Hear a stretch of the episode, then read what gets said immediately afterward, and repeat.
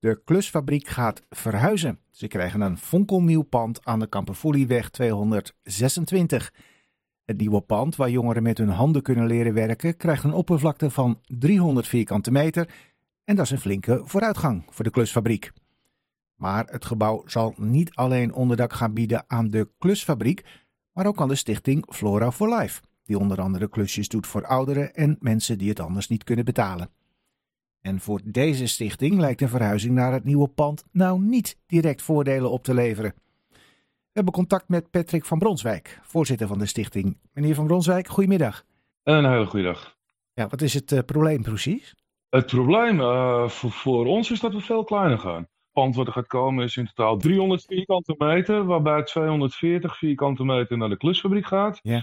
Voor inderdaad uh, jongeren leren knutselen, fietsen, lassen en dergelijke. Uh, is een project van Stichting DOC, waar mijn oude buurjongen staat, Marines Klarenbeek, hele goede man ook. En dat is helemaal mooi. En er is zo'n 60 vierkante meter uiteindelijk gepland voor ons. Dat leek in het begin meer te zijn, maar het komt neer op 60 vierkante meter. En uh, uh, ja, wij gaan er flink op achteruit qua ruimte. Want wat hebben jullie nu? Uh, op dit moment hebben wij zo'n 140 vierkante meter met buitenterrein. Waar ik dus ja, palen, schuttingen, stenen kan opslaan en kan hergebruiken voor mensen die het financieel gewoon heel moeilijk hebben en toch iets nodig hebben. Dus uh, voor ons komt zeg maar het gehele buitenterrein komt te vervallen. We hebben nu op onze stichting ook een hele mooie fruitbak staan voor een fruitproject. Dat is de bedoeling om daar zo lang mogelijk fruitstekken van te creëren. Dat komt ook te vervallen. Uh, het wordt enkel alleen een binnenruimte. En ja, ik denk als we het vergelijken, dat we twee of drie vierkante meter meer binnenruimte krijgen. En de gehele buitenruimte uh, valt weg. Ja, dus dat betekent dat jullie mensen die bijvoorbeeld een tweedehands schuttingje van jullie zouden kunnen krijgen, nu niet meer kunnen bedienen, die moeten een nieuwe schutting kopen. Klopt dat? Ja, in principe kan ik niks meer recyclen, want ik kan niks meer opslaan. Daar heb ik gewoon totaal geen ruimte meer voor. Ja, ja dat klopt. En heeft u dit probleem al aangekaart? Ja, dit is, uh, dit is zeker aangekaart. Uh, de mensen die mij kennen, die weten dat ik zoiets meteen inderdaad eruit gooi. Ja. ja. En wat was de reactie? in principe zijn de letterlijke woorden dat wij als stichting Flora for Life blij moeten zijn dat wij mee mogen liften met Stichting DOC. Want anders? Ja, ander, ander, anders geen idee. Het terrein waar wij nu zitten, dat uh, wil Sportspel in Groen terug. Oké. Okay, nou ja, ja, dat is ook logisch, is hun terrein. Maar ja, blij word ik er niet van. Kijk, wij doen zo'n duizend klussen in en om het huis in heel Noord.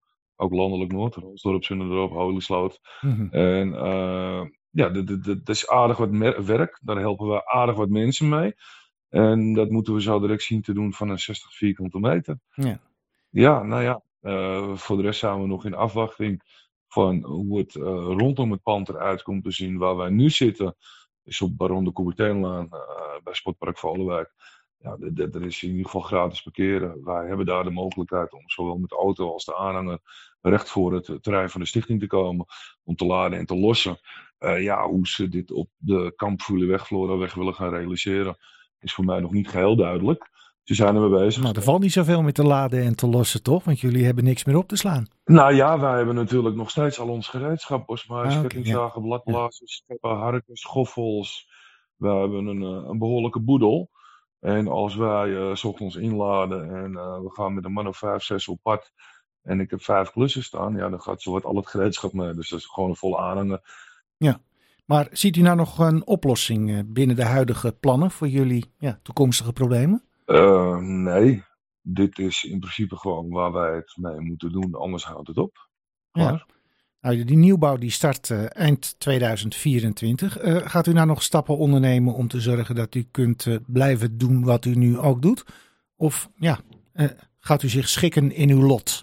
Oké, voor zover ik op de hoogte was, zou het medio eind volgend jaar wel klaar zijn. Maar als ze eind volgend jaar pas gaan bouwen, oké, okay, dan is dat zo. Staat op de website van de gemeente. Ja, nou ja, dingen veranderen wel eens. Hè. Mm -hmm. uh, wij begonnen ook in eerste instantie met een pand van 300 vierkante meter, waarvan wij dachten dat de helft naar ons toe zou komen. En uh, dat is 150 vierkante meter. Een vergadering later was dat 100 vierkante meter. En weer een vergadering later was het 60 vierkante meter. Dus er verandert wel eens wat. Ja, het is voor ons gewoon uh, behappen. Roeien met de riemen die we hebben. wij willen nog steeds gewoon de mensen in Noord helpen. Mhm. Jong en oud, want wij doen veel meer dan alleen klusjes in het huis. We doen evenementen, activiteiten voor jong en oud. We hebben een, een Flora Mobiel, hè, een elektrisch karretje. Dat uh, oudere en zieke mensen naar de apotheek brengt, het ziekenhuis brengt, de markt brengt, et cetera. Dat ding proberen wij daar ook gewoon te stallen. Die staat nu ook naast de klusfabriek van Stichting Dok. Wij mogen daar uh, ja, laden, onze elektrische wagen laden. Dus die staat nu ook naast hun pand. Ja, of dat zo direct allemaal gaat passen, of dat kan gefaciliteerd worden vanuit 60 vierkante meter. Ja, dat gaan we zien. Maar ja, wij hebben geen keus, simpel. Ja. Mag ik u in ieder geval uh, ja, succes wensen en ja, bedankt voor de toelichting. Ja, heel graag gedaan.